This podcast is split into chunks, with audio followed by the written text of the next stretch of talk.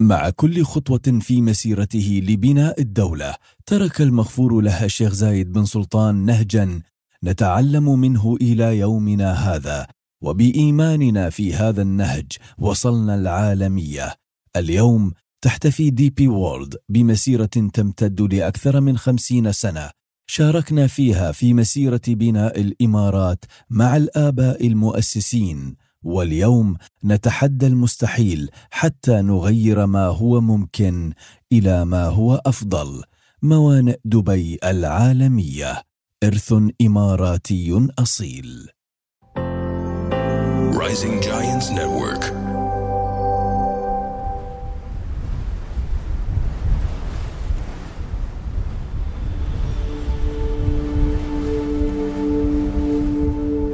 لكل رجل عظيم قصة نجاح ملهمة والكل قصة متميزة بداية تترك أثر لا ينسى. تبدأ قصتنا من عند الشيخ زايد بن خليفة آل نهيان الملقب بزايد الكبير. في بداية القرن العشرين وعلى السواحل الجنوبية لبحر العرب لمع نجم الشيخ زايد الكبير في فترة حكمه اللي دامت 54 سنة لإمارة أبو ظبي على الساحل الشمالي لعمان وهي إمارات الساحل المتصالح. تحت حكمه امتد نفوذ وسطوة إمارة أبو ظبي حتى تعدى حدود جزيرة أبو ظبي ووصل لين حدود سلطنة مسقط وبالتحديد واحة البريمي. ترك الشيخ زايد الكبير أبو ظبي في أفضل أحوالها في ذاك الزمان. وتابع المسيرة من بعده أربعة من عياله. وخلال فترة حكم ثانيهم الشيخ حمدان بن زايد ينولد بطل قصتنا. أصغر أبناء ولي عهد أبو ظبي الشيخ سلطان من زوجته الشيخة سلامة بنت بطي القبيسي وبالتحديد في قصر الحصن. يوم الاثنين السادس من مايو 1918 تسمع خطوات مسرعة من واحد من الأولاد. ويدخل مجلس الشيخ سلطان بن زايد مبتهج يزف خبر رائع على الشيخ. شيخ سلطان شيخ سلطان مبارك ياك ولد. يرفع ايده الشيخ سلطان ويحمد ربه إن رزقه برابع أولاده ويسميه على اسم أبوه زايد.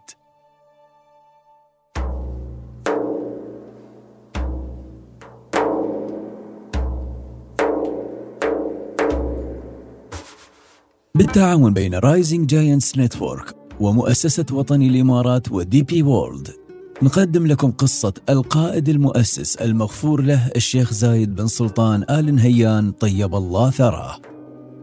الحلقة الأولى العين دار الزين. منذ نعومة أظفاره تربى زايد على الأصول في مجالس الرجال بجانب أبوه الشيخ سلطان. اللي تعلم منها الأصالة والشهامة. بالأخص في مدينة قلت مواردها الطبيعية ولكن فاضت بالنخوة والكرم. كان الشيخ سلطان دائم الاهتمام في شؤون رعاياه وكان سخي وما يرد السائل. تعلم زايد من هذه المواقف في مجالس الشيوخ عن الإنسان وحاجته وكيف القوي يحنو على الضعيف ونمت فيه الفراسة وعلم الرجال. ومع كبر سنه بدأ زايد تعليمه على يد الكتاب اللي تعلم منهم أصول الدين حفظ القرآن والحديث الشريف وحصل زايد في القرآن أكثر من مجرد التعاليم الدينية. حصل إلهام للحياة وقوانينها من كل الجوانب وقاده فضوله تجاه المعرفة والعلم للشعر النبطي والتاريخ. وبعد ما بنى الأساس عند الكتاب بدأ يبحث في المواضيع ويقرأ فيها كلها.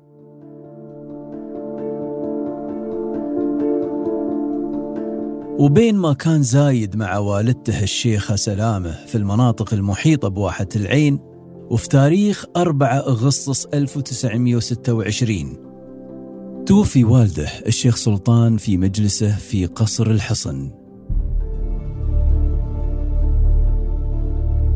لكن في هذه الأوضاع المظلمة كانت الشيخة سلامة مصدر قوة وإلهام لهم. وعلمتهم من دروس الحياة الشيء الكثير. كانت لهم أكبر سند في هذه الظروف الصعبة وكان أكبر من تأثر فيها هو أصغرهم وأقربهم لها الشيخ زايد. عقب عهد الشيخ سلطان والد الشيخ زايد دخلت أبو ظبي في ظروف صعبة لكن سرعان ما استعاد أبناء سلطان حقهم الشرعي في حكمها. بعد استلام الشيخ شخبوط بن سلطان شقيق زايد الأكبر لحكم أبو ظبي في عام 1928 كبر زايد في ربوع مدينة العين في إمارة أبو ظبي. أكبر تجمع سكاني في الإمارة. كانت العين محاطة بصحراء على مد النظر. وعشق زايد رمالها حبة حبة. احتواها. واحتوته يقضي فيها لياليه يتأمل وفي نهارها يتعلم ويتثقف. تأثر زايد بشكل كبير في تراث بلاده وصار عنده حب لكل شيء يمثل أصالة هذا التراث من العادات والتقاليد من الصقر والهجن والفرس والشعر وإكرام الضيف. تعلم من الصحراء الشيء الكثير تعلم الرحمة وسعة الصدر تعلم الصبر والحب الكل ما عليها من إنسان ونبات وحيوان. تكونت شخصيته عبر السنين وتأصل فيها مزيج بين الفطرة السليمة وقيم البدو والعقيدة الإسلامية. عرف بذكائه وفطنته وكملت هذه الخصال بنية جسدية قوية ورياضية. وبعد سنوات من العشرة بين الشيخ زايد وأهل العين عينه الشيخ شخبوط في سنة 1946 في منصب نائب الحاكم في المنطقة الشرقية من أبو ظبي. وفي منصبه سكن الشيخ زايد في حصن المويجعي في العين. رغم أنها كانت أصغر من غيرها من المناطق شرق أبو ظبي لكن كان هذا الحصن هو مركز نفوذ قبيلة آل فلاح أغنى وأبرز فروع قبائل بني ياس اللي من نسلها الشيخ زايد وجميع شيوخ أبو ظبي. عشرته ويا أهل المنطقة من صغره بنت له شعبية وشهرة كشيخ الصحراء بين جبايل أبو ظبي. وهذا اللي ساعده في أنه يوطد العلاقات وياهم. من مركز نائب الحاكم كان معني الشيخ زايد بكل أمور الزعامة في العين وما حولها ومسؤول عن جميع مصالح العائلة الحاكمة. وفي هذا الصدد كان الشيخ زايد يعامل جميع قضايا أهل المنطقة بنفس الأهمية. ويعاملهم معاملة الأب لهذه الأسرة الكبيرة. يحكم بينهم بالعدل دائما ويحل النظام والقانون. وهذا الشيء ساعد في أن يبني علاقة بين سكان المنطقة أنفسهم. فيها نوع من السكينة والوئام وأهمها واحة البريمي. من أكثر من أمية سنة كانت واحة البريمي تحت حكم مشترك بين حاكم بوظبي وسلطان مسقط. اللي كانت تجمعهم علاقات وطيدة أسسها الشيخ زايد الكبير. ومن صلب هذه العلاقات عمل الشيخ زايد بن سلطان بالمثل وحافظ على مصالح السلطان في المنطقة وكان دايم النصح والمشورة لأهل المنطقة.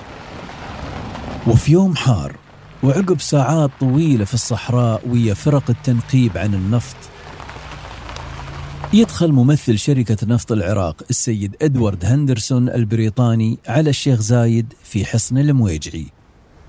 عقب القهوة والسلام بدأ هندرسون بالكلام. شيخ زايد أوضاع التنقيب في أبو ظبي ماشية على أكمل وجه. فيرد عليه الشيخ زايد بابتسامته المعتادة ويقول له على خير إن شاء الله نتمنى تلقون في مناطق أبو ظبي وعمان بعد. استغرب هندرسون من الرد وقال من اللطيف أنك مهتم في مصالح جيرانك. يرد عليه الشيخ زايد مصالحهم من مصالحنا وأكيد أكون سعيد أني أشوف عمان تزدهر. تفرغ الشيخ زايد لشؤون الإدارة الداخلية وفي ظل الظروف ومحدودية الموارد كان شغل الشيخ زايد الشاغل هو التنمية والبنية التحتية في شتى مناطق العين والبريمي. بالأخص بعد زيارته مع أخوه الشيخ شخبوط للدول الأوروبية واطلاعه على أوضاع التعليم والرعاية الصحية اللي كانت شبه معدومة في مناطق الواحة وبدأ بمحاولات لخلق نوع من أنواع الانتعاش الاجتماعي. عقب سنوات من رعاية القطاع الزراعي عشان يرفع من جودة المحاصيل الزراعية اتجه إلى القطاع الصحي والتعليم. بحيث كانت أولى الحملات الشاملة اللي رعاها الشيخ زايد في القطاع الصحي هي حملة القضاء على الملاريا في واحة البريمي في عام 1956 وفي نفس السنة افتتح مدرسة المويجعي وأشرف عليها شخصيا وزودها بنفسه بالقرطاسية والمقاعد. عمل الشيخ زايد في المناطق اللي كانت تحت نفوذه جو عام من الرخاء والازدهار. لكنه كان غير كافي للشيخ الشاب. كان له حلم أكبر من مجرد الرخاء. كان حلمه بوطن يلحق ركب الحضارة الحديثة. هذا البودكاست من إنتاج Rising Giants Network ومؤسسة وطني الإمارات و DP World تقديم محمد يوسف.